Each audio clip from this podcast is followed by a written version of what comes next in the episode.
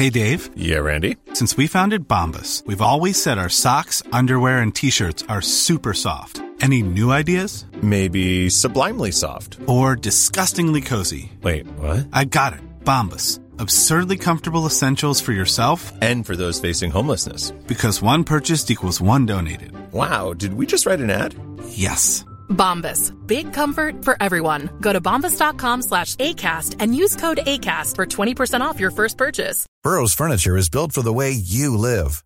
From ensuring easy assembly and disassembly to honoring highly requested new colors for their award-winning seating, they always have their customers in mind. Their modular seating is made out of durable materials to last and grow with you. And with Burrow, you always get fast, free shipping. Get up to 60% off during Burrow's Memorial Day sale at burrow.com slash ACAST. That's burrow.com slash ACAST. burrow.com slash ACAST. In the market for investment worthy bags, watches, and fine jewelry, Rebag is the answer. Rebag is a luxury resale platform where each piece is carefully inspected by experts to ensure quality and authenticity. Use Rebag to buy and sell finds from the world's top brands, including Louis Vuitton, Chanel, and Cartier. Head to Rebag.com and get up to 15% off your first purchase as a member with code REBAGNEW. Shop today at Rebag.com. That's R E B A G.com. And use promo code REBAGNEW for up to 15% off your first purchase as a member.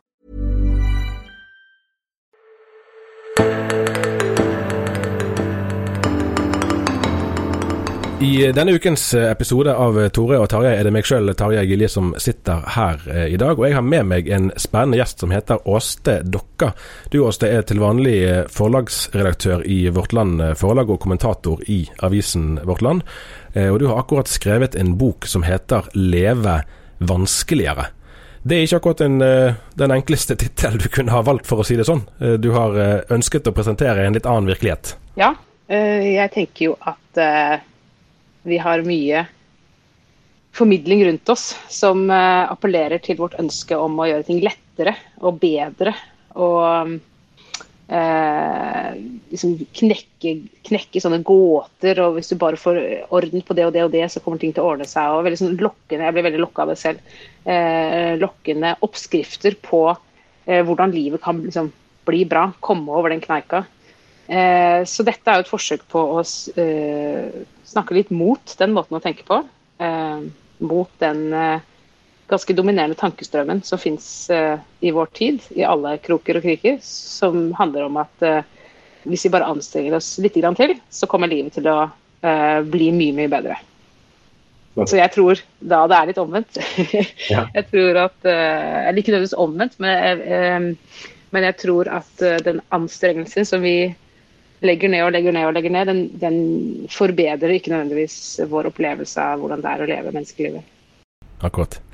Som sagt så er jo du eh, forlagsredaktør til daglig, og, har jo da som, som arbeid å, å forholde deg til andres eh, tekster. Hvordan er det nå å skulle ha skrevet sjøl? Jeg syns det er veldig lærerikt. Eh, både det å um, kjenne, kjenne etter hvordan det er å sitte med en arbeidshverdag hvor det man gjør er å skrive uh, aleine. Uh, og hvilke demoner som uh, sniker seg inn da, og, og, hvordan virkeligheten ser ut fra skrivepulten. For, jeg, for jeg, har hatt, jeg, har hatt, noe permisjon for å skrive denne boka her. Ja. Um, og så syns jeg det er uh, også nyttig å se Altså jeg, jeg, har jo også som jobb å skrive ellers, men mm. uh, nå jeg, skulle jeg skrive noe som er langt, uh, og som har en mye lengre kurve. Eh, en, en, annen type oppbygging enn en avistekst har. Og eh, det å gjøre det syns jeg også var veldig lærerikt. Så jeg, jeg, tror, jeg, tror, kanskje at jeg Eller jeg håper at jeg blir en bedre redaktør av det også, fordi jeg kan forstå litt bedre hva som skjer oppi huet på de som sitter og skriver bok. Da. Og så må jeg si det er vanskelig å skrive en bok. det er skikkelig vanskelig, og på måter som jeg ikke helt visste om. Ja. Hva var den største overraskelsen der, da? Um, ja, jeg vet ikke om jeg syns det var det største Jeg vet ikke om jeg synes det var så overraskende, men det å få eh, på en måte en bok til å henge sammen fra A til Å med et, eh, en type helhet og et sammenhengende argument eh, uten å drive hele tida og gjenta seg selv, det syns jeg var eh, eh, krevende. Og jeg vet ikke helt om jeg er fornøyd med akkurat den, eh, den delen av det heller. Var det noen bestemte måte, altså opplevelser eller erfaringer eller hendelser eller ting som gjorde at dette, dette ville skrive en bok om, som, deg, som ga motivasjon til det? Du vet hva, Jeg prøvde å komme på hva som var den konkrete foranledningen til at det var dette som ble eh, prosjektet, og jeg, husker ikke.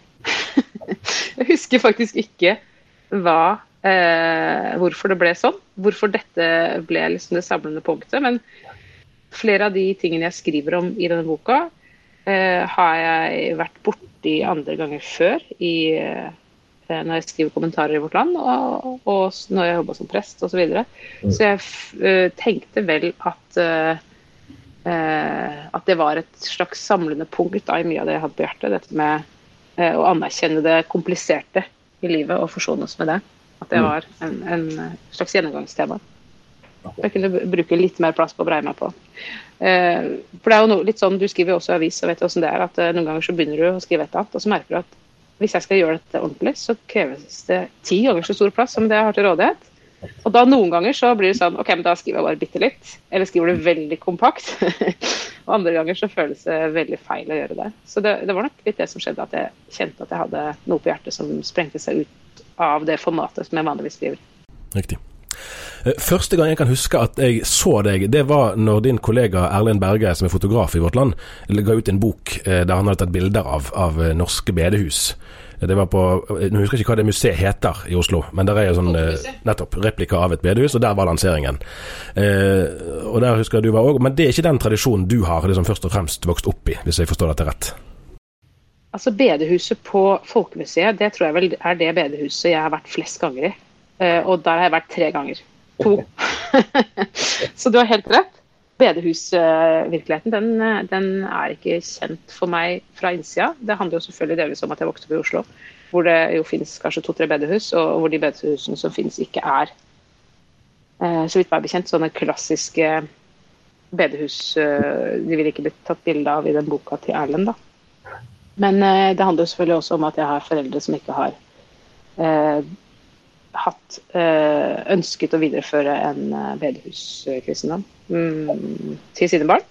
Så det, det, er eh, rett og slett en del av norsk kirkevirkelighet som jeg kjenner bare fra utsida. Ja. ja. og det er litt interessant med tanke på det som jeg skal spørre om nå. fordi at eh, Noe av det som, som, først slo meg når jeg begynte å lese boken, er jo for å si det sånn, hvor mye du skriver om synd.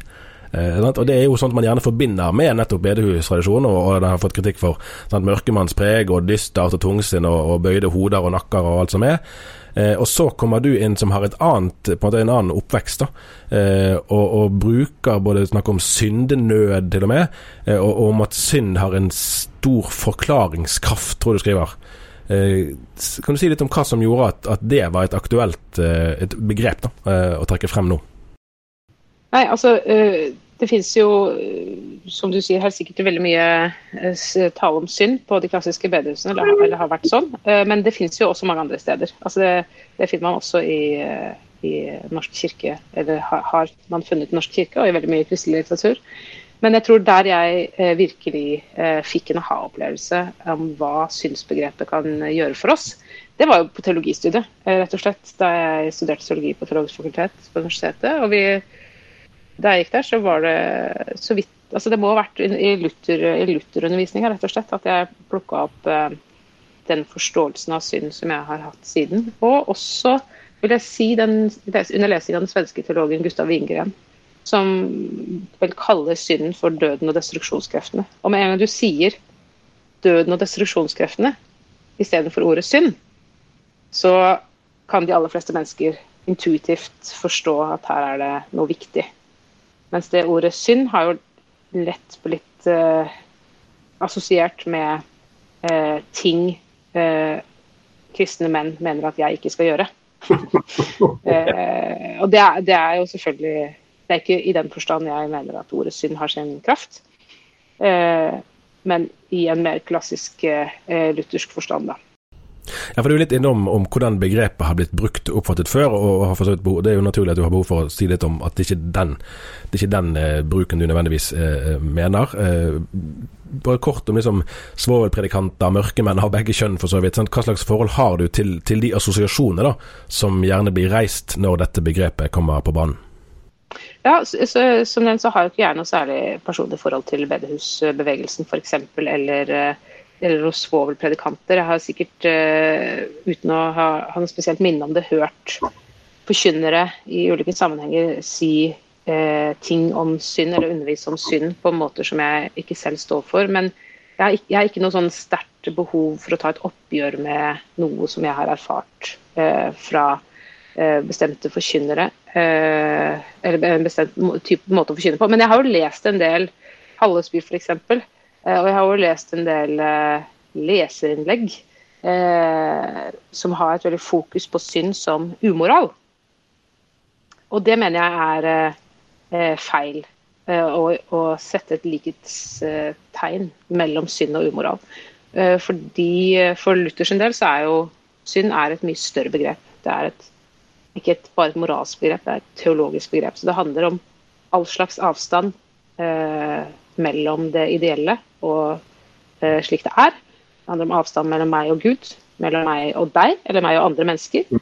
Mellom meg og samfunnet, mellom meg og meg selv og min egen selvforståelse. Det handler om alt som på en måte eh, Alle brister i alle ting. Og det er klart at det ligger jo et moralsk aspekt der, for vi bidrar jo hele tida til å holde den avstanden stor. Eller eh, holde den oppe. Men samtidig så er det ikke sånn at hvis vi skjerper oss nok, så vil vi kunne tråkke over den uh, grøfta. Uh, og komme oss over til en syndfri tilværelse, eller til Guds side. Den, den, den, den avgrunnen er ikke mulig å krysse, da. Mm, akkurat.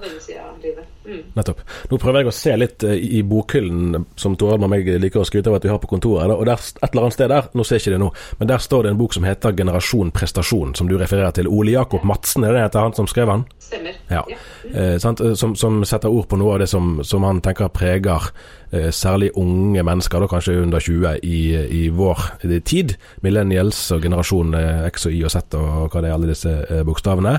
og da er det jo nettopp, nettopp måte, den enkeltes mulighet til å maksimere sitt eget potensial. Altså du har livet i dine hender, så å si. Hvis du bare gjør ditt beste, så kan du få til alt mulig. Og, og det, det sitter veldig interessant å se hvordan du bruker synsbegrepet som en kontrast til det. Ikke for å trykke folk ned, men for å snakke om at vi er ufullkomne alle som én.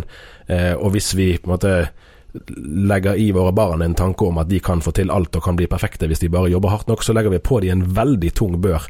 Og her er vi kanskje ved noe av det som er et veldig viktig og spennende punkt der kristen tro og kristen teologi har veldig konkrete ting å bidra med i den offentlige samtalen i 2020. Ja, absolutt. Eh, jeg syns det, eh, det, er påfallende hvordan vi som er voksne eh, lar oss lure både av det, det, det, både av den måte, ideologien som sier at ja, du kan altså, alt er mulig, alt er innen rekkevidde. det går an å være perfekt og også av hva slags type perfeksjonsidealer som vi er med på å opprettholde og spre eh, videre.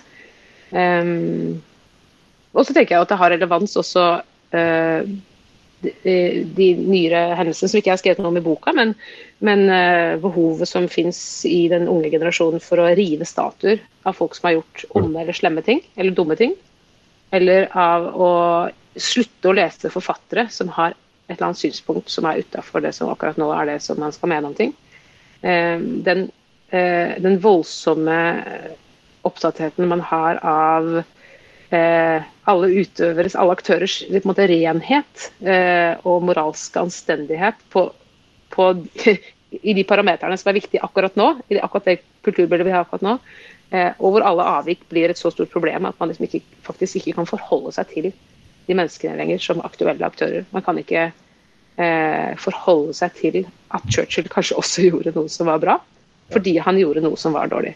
Og jeg, jeg tenker jo at, eh, at eh, med, den, med, det menneskesynet, da, hvor vi krever perfeksjon, ikke bare av oss selv, men også av andre, eh, så er vi, veldig, vi fanga. For det er umulig. Det, det går ikke an. Eh, og det, og det, livet vi skal leve, er jo heller ikke Ja, Luther sa en gang eh, 'gå ut og synd med frimodighet'. Det var ikke fordi han oppfordret folk til å synde, men det er noe med at hvis du blir så opptatt av at det, du, det som er oppgaven din er å ikke synde, så får du heller aldri eh, gjort noe av det som er viktig å gjøre. Altså, du, du, må gå ut i verden og engasjere deg med andre mennesker, og du må prøve å ta tak og gjøre det som er riktig, og si hva du mener, og så kommer det til å gå skeis et par ganger. Eh, sånn er det bare. Men hvis du er så opptatt av dine egne rene hender at du ikke kan eh, eh, ha noe med verden å gjøre, liksom, så, så, har du misforstått fullstendig hva hva vi har kalt til i menneskelivet. Eh, så jeg tenker at den, den form for sånn renhetstankegang eh, som finnes i vår kultur nå, både perfeksjon og renhet, den, eh, den er skadelig. Og jeg tror kristendommen har noen begreper og noen måter å tenke om hva et menneske er for noe, som Eh, kan hjelpe oss til å forstå, det, til å forstå menneskelivet bedre og til å håndtere våre svakheter og brister og idiotier på en bedre måte enn eh, det som på en måte ligger i, i, i hva skal man kalle det for noe? Det som på en måte bare ligger i tida. Ja, ja nå, nå, er du egentlig i ferd med å, å, svare på neste spørsmål, som er en lissepasning til en som har skrevet doktorgrad i systematisk eh, teologi. For denne boken eh, syns jeg er skrevet i et forholdsvis lettfattelig språk. Man må på ingen måte være fagperson for å kunne lese den med, med utbytte. Samtidig så skjønner du at det ligger mye teologisk tenkning bak. og Det er jo en kløkt det for så vidt å gjøre eh, kunnskap eh, tilgjengelig. Men jeg lurer på, eh, og det har du allerede sagt litt om, altså hvordan, for man kan jo bruke teologisk kompetanse på en måte til indremedisinsk bruk, da, sant? og utforske sider ved Gud, og, og, og, på en måte forståelsen av, av ulike sider ved, både Gud og mennesket sånn, i den konteksten. Men det er òg interessant å vurdere hvordan, altså hva er det teologien kan bidra med nettopp i å forstå livet mer allment, og mennesket mer allment i et samfunn som det norske, som har lange kristne røtter, sant? men der, der færre og færre nå oppgir at de tror på Gud osv., og, og, og nødvendigvis regner Gud med i, i eh, fortellingen om virkeligheten. Da. Ja, mitt sånn teologiske engasjement og min liksom, kjærlighet til teologien har alltid handla om at jeg føler meg fortolka som menneske eh, på en god måte. Eh, og eh, at de teologene som jeg er begeistret for, det er de som klarer å se si noen ord om livet mitt eh, på en måte som eh, gir mening for meg.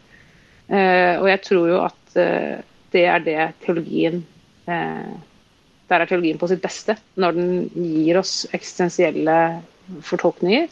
Og så tror jeg at eh, hvis, du, hvis teologien din ikke kan forstås eller leses eller gi mening for folk som ikke allerede er godt på innsida, så har du nok mer enn et kommunikasjonsproblem. Da, da, da, er det jo noe med det derre selvreferensielle, selvrefererende teologiske språket og, og universet som bare funker på innsida av seg selv, eh, som er, er eh, bekymringsverdig. Eh, fordi alle mennesker lever det samme menneskelivet. Vi er født inn i den samme verden. Vi, vi, er bestemt av de samme vilkårene. Og det er det livet som eh, kristendommen snakker om. Det er det som er det er det kristendommen kaster sitt blikk på. Det er det allmenne livet. så hvis forkynnelsen eller teologien eller uh, hva den skal være, bare handler om liksom, det interne forholdet i treenigheten, eller, mm. eller liksom hva det betyr å være åndsdøpt, så tenker jeg at da, uh, da har man tatt et stort steg vekk fra menneskelivet. Men når det er sagt, så er det selvfølgelig helt legitimt at folk har diskusjoner om ting som andre folk syns er uinteressante. Mm. Det er sikkert noen som syns det er uinteressant, det jeg er opptatt av også. Så, så, så, jeg mener ikke å si at verken fagteologer eller, eller kristne generelt eh, at, de ha, at, de ikke skal få lov til å være opptatt av eller snakke om eh, sære ting og indrekristelige ting. Eh, men, jeg, men, men, jeg, mener likevel at teologiens oppgave, sånn i bunn og grunn, eh, når man ikke skal sitte og nerde, liksom, det er å eh, det er rett og slett å gi oss noen nøkler til hvordan vi skal kunne leve eh, i verden som mennesker. Nettopp. Og så skriver du et sted at, eh, og det er jo da igjen med referansen til, til bruken av synsbegrepet, at kanskje problemet ikke bare var begrenset til hvordan man snakket om synden, problemet var faktisk synden sjøl og dens realitet. Og da lurer på, litt sånn parallelt, da, sant? hvor viktig er det for teologien at Jesus faktisk døde på et kors, sonet våre synder, sto opp fra de døde? Eh, kontra at man kan jo lese det som en, en, eh, en allegori, eller som en, en, eh, metafor på et eller annet. Hvor viktig er liksom historisiteten da, i hendelsene for teologiens eh, egenart og funksjon? Ja, jeg, jeg tror jo eh, Så for min del så eh, tror jeg at Jesus sto opp fra de døde. Så det er ikke noe Jeg har ikke noe altså, Jeg har ikke noe problemer med å tenke på det som en historisk hendelse. Mm. Men jeg, jeg, tror likevel at uh, uh, teologiens måte, sannhetspretensjon ikke står og faller på historisiteten i ethvert sånt bibelsk fenomen, eller det Bibelen beskriver. Og, og sikkert heller ikke når det gjelder Jesu døde oppstandelse. Eller, han døde jo, det er jo åpenbart. det tror jeg ingen er uenige om. Men, men om han sto opp igjen fra de døde. Og det er jo en lang, altså, det er en lang diskusjon.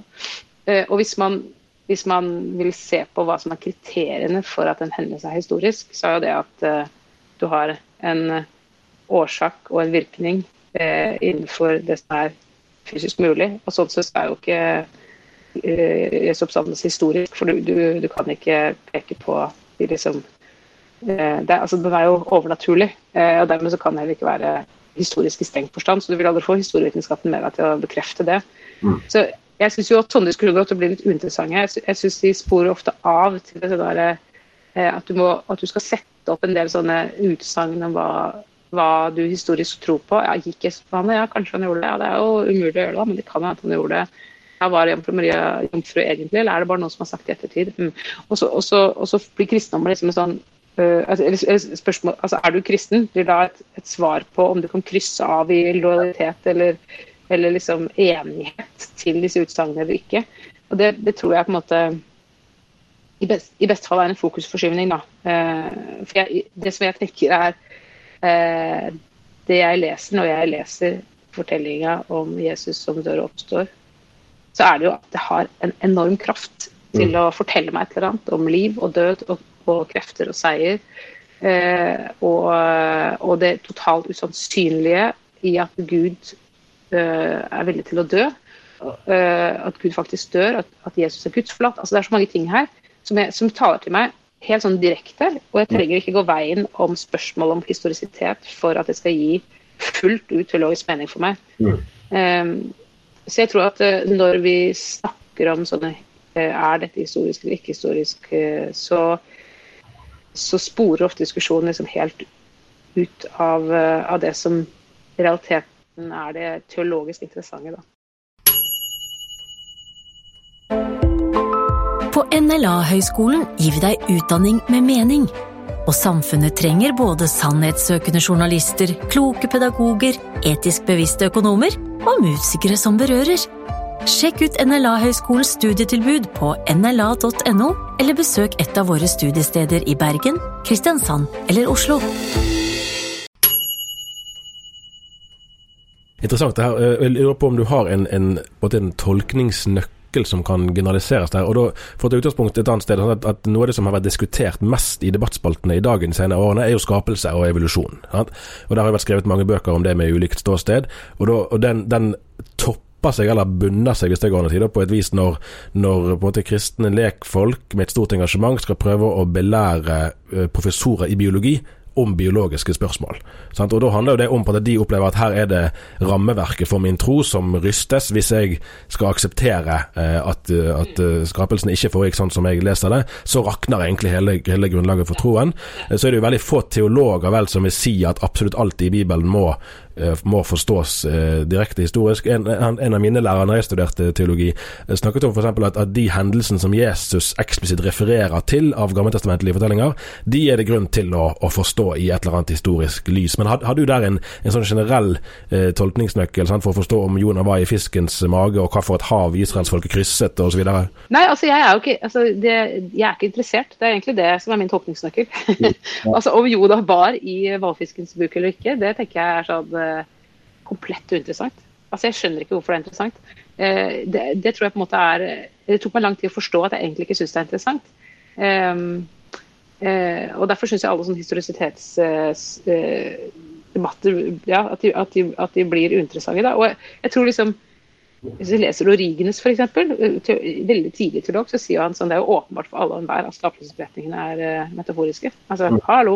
Og, det, og, ferdig med den saken. Og så er vi likevel der 2000 år etter at, uh, at, vi skal diskutere det en gang til og en gang til og en gang til. Uh, ja. Men det, det, er det, er jo en viss forskjell på uh, Tror du at, at Jonah var i hvalfiskens buk, og tror du at Paulus dro til Galatia for å grunnlegge en menighet? Altså, du, du, det, er, det, er, en viss forskjell i liksom, type mytologi og så videre, og mulig, altså det, det mulige innenfor normal normalvirkelighetsforståelsen. Eh, så jeg skal ikke si at liksom, eh, det er det samme, eh, eller at det har samme status. Men jeg syns heller ikke det gir mening å si at eh, alt før år 300 før Kristus eh, vet vi ikke, og så vet vi altså, ja, Nei, vet, eh, vi vet egentlig ganske lite om hva som har skjedd i historien generelt. Så ja, hvor viktig er det? Ja, det, det, er jo generelt sant. Men så skriver du litt òg om, om, hva som skal skje ved tidens ende. Det syns jeg egentlig det er fint å, lese at du er måte, ærlig troende, da, eller troende ærlig, hva man skal kalle det, for sånt, om, om oppreisning på den ytterste dag. Sant? Noe av det som er vanskelig å få grep om med tanken, selv om man er aldri så smart. Sant? Jeg lurer på hvordan du tenker om trosbekjennelsens formulering om at Jesus skal dømme eh, levende og døde, og f.eks. òg hvis man har, har, en tanke om Jesu gjenkomst sant, og dommens dag til grunn hvordan skal vi da tenke om misjonens betydning og viktighet? Ja, jeg tenker jo Alt dette her som du nevner nå, og som jeg også skriver om i boka, det er jo eh, ting som det er vanskelig å snakke om uten å bruke et, et, mytologisk språk. Altså Når vi snakker om tidens ende, Jesu gjenkomst, eh, at Jesus skal dømme levende og døde. Altså det, er jo, det er jo metaforrikt og, og, og, og, veldig vanskelig å skulle snakke om i en sånn forsøksvis én-til-én-språk. Eh, et beskrivende eller dogmatisk språk. Eh, så det har jeg på en måte prøvd å avstå fra. Men siden du bringer på banen dette med, med, dommen, da, så tenker jeg jo at uh, Jeg tror jo, uh, som mange teologer har skrevet om for meg, at, at altså dommedag i den forstand at på et eller annet tidspunkt, i eller utenfor tida, så vil hele mitt liv bli sett av Guds øyne. det i, altså i all sin alt det fine og alt det kjipe og alt jeg har gjort og alt det burde ha gjort osv. At, at det blir sett eh, med eh, Guds blikk. Eh, og, og, at det også er en skjelning der. Altså, det er, altså dom i den forstand at, eh, at Gud bedømmer det. ikke sant? Eh, det tror jeg på. Og jeg tror også at i, i den dommen så fins det eh, nåde. Og det fins oppreisning. Og det fins spesielt de eh, disse mine minstes oppreisning. Mm. Eh, de som Gud tilgir på vegne av. Eh, det er at det er en skapende dom, hvor, Gud, eh, hvor, hvor du ikke bare har domsutsagnet ja, du er skyldig eller du er frikjent eller hva det skal være, men du har også noe som skjer. Eh, at Gud handler i dommen. da. Eh, det tror jeg på en eller annen rar måte på. Mm. Skapende dom, det var interessant. Ja, du må google det. Det er, det er ikke jeg som har funnet det på. ja, det var et spennende uttrykk. det men det, er, det, er, det, er et uh... Altså, det er klart at uh, i dommedag kan ikke bare være et speil. Det skjer mm. noe der. Uh, fra Guds side. Ja, ja. Men er det, er der en, måte, er der en, form for, eller et rom for, da, for å si det sånn det negativt formulert, for adskillelse? Altså er det, er det, en dom der utfallet er gitt for alle mennesker, eller er det en, eh, altså er det en fortapelse her, òg? Ja, altså jeg tenker jo at dom er jo noe annet enn en eventuelt straffeutmåling. Det er jo to forskjellige ting. Altså, eh, Det å si at det er en dom, er jo ikke det samme som å si at eh, noen kommer i fengsel. Altså, En dom kan like godt være en frikjennelse som en, som en, som en skyld det, skyldkjennelse. Ja. En, og straffeutmåling er jo også en ting for seg. Men uh, jeg, i, mitt, uh, i, i, mitt, i, min tro og mitt gudsbilde, så uh, kan jeg ikke tro at Gud vil sende noen til helvete eller til noen fortapelse eller adskillelse. Mm. når det er sagt, så betyr ikke det at jeg mener at Og derfor er det slik. altså, jeg kan ikke gå fra mitt gudsbilde til eh, Guds virkelighet og si ja, fordi jeg ikke tror på det, så kan det ikke det skje. Men, eh, men jeg, jeg, mener likevel at det er eh, ekstremt vanskelig teologisk å skulle forsvare et, eh, en tro på et helvete. Eh, det det syns jeg. Men jeg, jeg har aldri eh, tror jeg sagt fra en prekestol at det fins ikke et helvete, fordi det er jo ingen som vet noe om. Men jeg kan godt si at jeg ikke tror på et helvete. Ja, ja. Ja, for Noe av det som, som uh, gjerne en del moderne teologi kan bli kritisert for, og det gjelder jo både faglig og både allment, er jo at man, man har uh, et, det som man tidligere kalte for et dennesidig utgangspunkt. Sant? At spørsmålet er på en måte hva, hva uh, Gud kan gjøre for livet mitt uh, her og nå. Uh, og der er jo En ting er jo det vi, det vi snakker om her, som ikke på ingen måte er begrenset til denne siden. Men det er annen, en annen side ved det som, som du utfordrer, syns jeg er veldig interessant da, i, i, boken, der du skriver om at det ikke finnes en en Jesusbryter. Det var òg et nytt uttrykk som jeg likte godt, uh, som jeg fant her. Altså At det ikke finnes noen quick fix. Der, der uh, Hvis man tror på Jesus, så fikser alt seg i, i, livet. Man har tidligere brukt metaforer som at Gud er ikke en colaautomat der du kan putte på en rett bønn, og så får du på en måte ut det produktet uh, du vil ha. og da for vi kan jo snakke lenge om, om, om, fortapelse og muligheter og ikke-muligheter og opphør og det hele, og, gå langt inn i metafysiske forestillinger der. Jeg har lyst òg liksom, til å benytte sjansen til å, å få deg til å si litt, kanskje til de miljøene som du har sett litt fra, fra utsiden, da, sånn som du har beskrevet sjøl, eh, om eh, viljen til å snakke ærlig om livets kompleksitet, at man kan fint leve som kristen og fremdeles ikke bli frisk fra sin sykdom, eller at kanskje livet rakner på ulike andre måter, selv om man tror på, på Jesus. Eh, for jeg, eh, Du skriver litt, du sier ikke hvilken sammenheng det var, men du forteller litt i boken om at din mor sendte det på noen ungdomsmøter. Eh, et eller annet sted. Eh, og jeg mistenker at liksom, jeg ser for meg da tenåringen som, som, sitter med oppriktige spørsmål og opplever at det gudsbildet som de presenterte her, det kan jeg faktisk ikke være med på. Eh, og, og på en måte at rommet her for å snakke ærlig om Gud er for lite. Ja, jeg har selv opplevd at den måten man snakker om Gud på, ikke har kjentes ut som noe jeg kan kjenne igjen fra min egen erfaring. Og det jeg har brukt utrolig mye tid på bare å komme fram til den erkjennelsen at grunnen til at jeg ikke forstår det som sies her, er at jeg erfarer, det som, jeg erfarer ikke det som blir sagt. Jeg erfarer, erfarer ting på en helt annen måte. Uh, og det er det, det er det, som gjør at dette høres utrolig rart ut for mine ører. Um, og, en del av det, eh, det, det, har, det, har, mange sider, men en del av det er, er, er det du nevner nå, som handler om at, at man ikke snakker helt sant. Eller eller man løfter kun fram én type erfaring av hva det vil si å være kristen. Eh, og det fins jo, som du nevner, i, eh, altså i type nykarismatiske bevegelser hvor man har veldig fokus på helbredelse eller, eller hva som skjer ved en omvendelse. At man plutselig mister liksom eh, Man kanskje ikke lenger drikker alkohol eller mister lysten til å bli sint. Eller at folk føler seg som et, et helt nytt menneske Eh, klart, Noen har den erfaringen, og det skal vi ikke ta fra dem i det hele tatt. Men det er, det er, ikke sånn det er for de fleste. For de fleste så er livet ganske likt eh, innenfor og utenfor eh, kristendommen. Det er like mye sykdom, det er like mye triste ting som skjer, det er like mye mobbing. Er like, du er like teit om du er kristen eller om du hadde fortsatt å ikke være kristen. Eh, så, så, så, så jeg, jeg, tror det er eh, Det er lett å se når vi, når vi snakker om type herlighetsteologer som faktisk sier at du kan bli rik hvis du bare gjør sånn og sånn og sånn, eller du kommer til å bli frisk, eller hva det nå skal være. Men jeg tror det finnes også i langt mer hva skal vi kalle det, normal kristendom. I, i mange, altså godt inn i Den norske kirke, at man snakker om det å være kristen eller tro på Gud eller be eller hva det skulle være, eh, på en måte som, får, som formidler at livet kommer til å bli Eller livet er lettere, bedre eh, med Gud. Eh, ting ordner seg bedre. Det kristne fellesskapet er bedre enn andre fellesskap.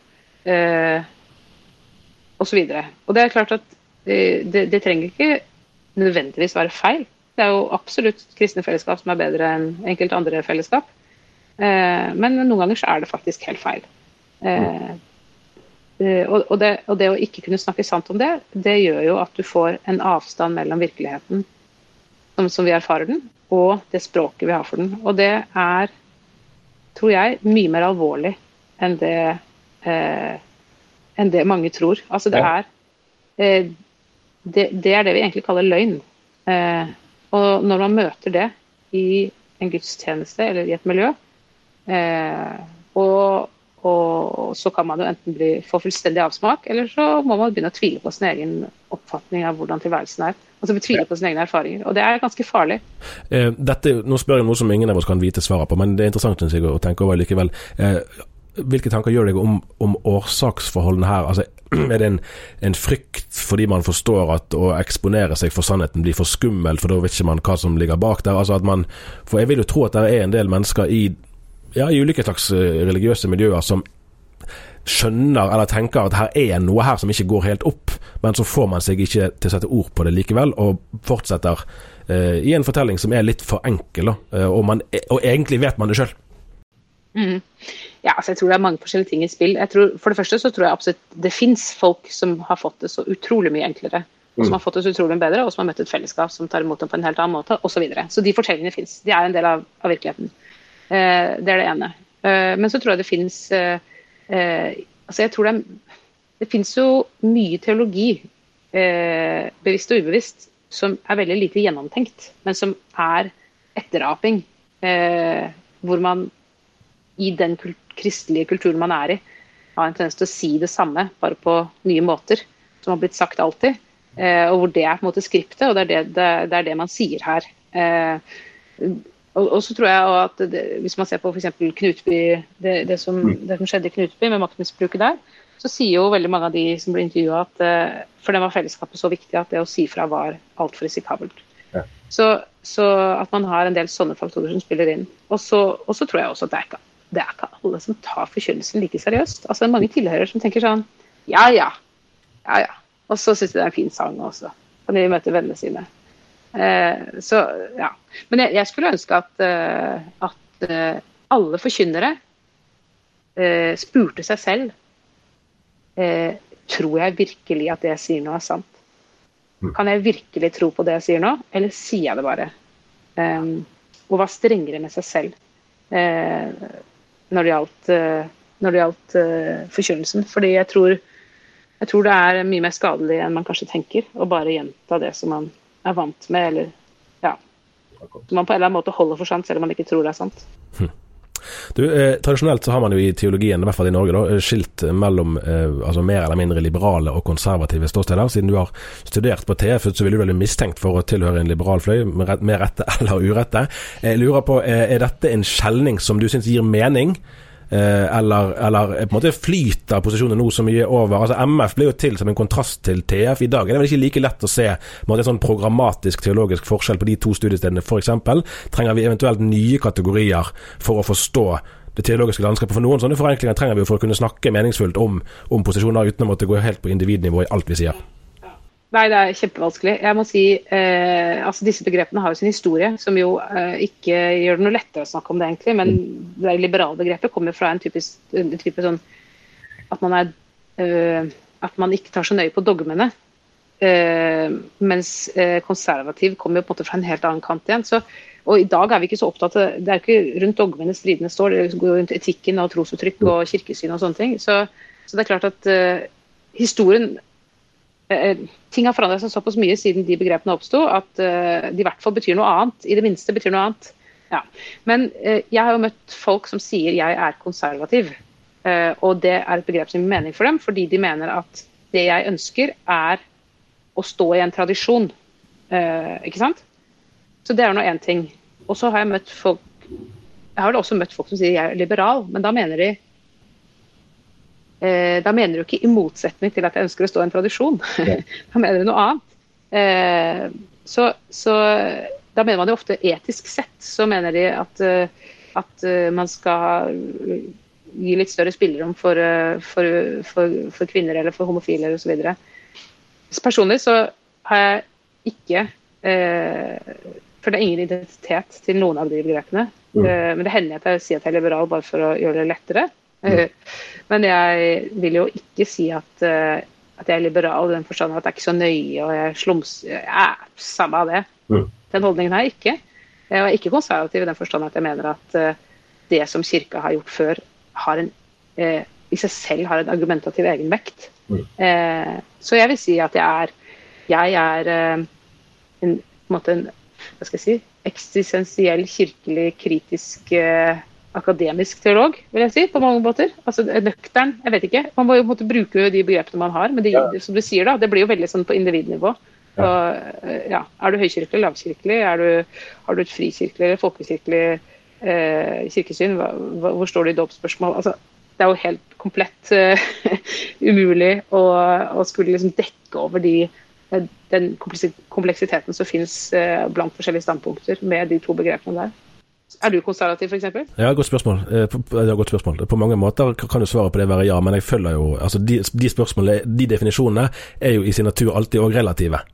Sant? Altså Man er konservativ i forhold til et eller annet, og liberal i forhold til et eller annet. Sant? Og det forandrer seg. Og da forandrer jo òg eh, altså, begrepene. Sånn er det i politikken òg.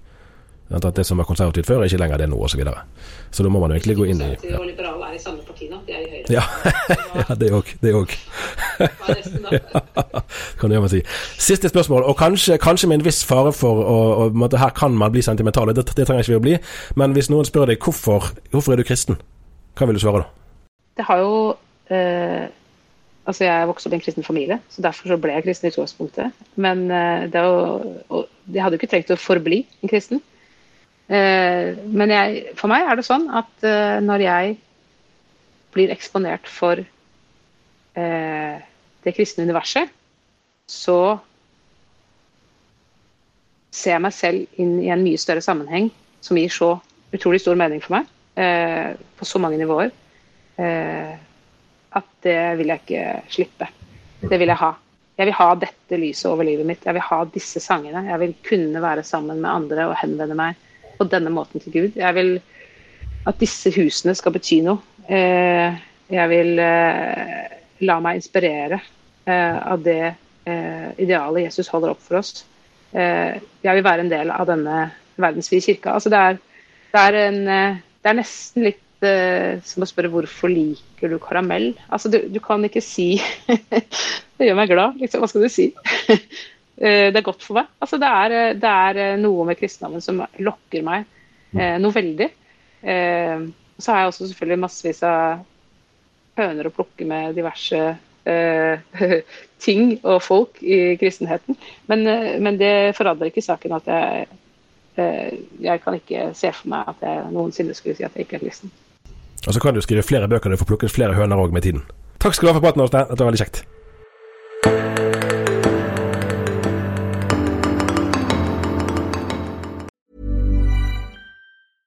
Flexibility is great. That's why there's yoga. Flexibility for your insurance coverage is great too. That's why there's United Healthcare Insurance Plans.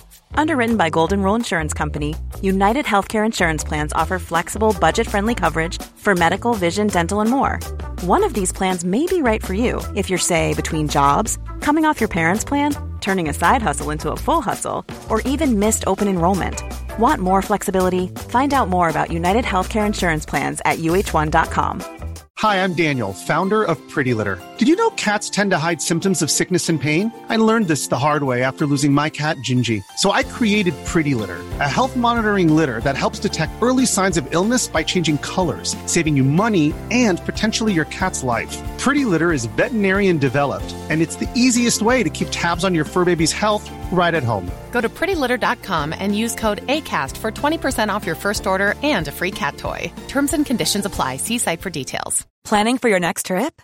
Elevate your travel style with Quince. Quince has all the jet setting essentials you'll want for your next getaway, like European linen, premium luggage options, buttery soft Italian leather bags, and so much more. And is all priced at 50 to 80% less than similar brands. Plus, Quince only works with factories that use safe and ethical manufacturing practices.